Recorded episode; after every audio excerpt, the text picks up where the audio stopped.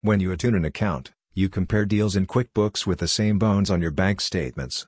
After you review everything, the difference between the ending balance in QuickBooks and your bank statement should be 00. Learn how to fix issues at the end of the reconciliation in QuickBooks Online.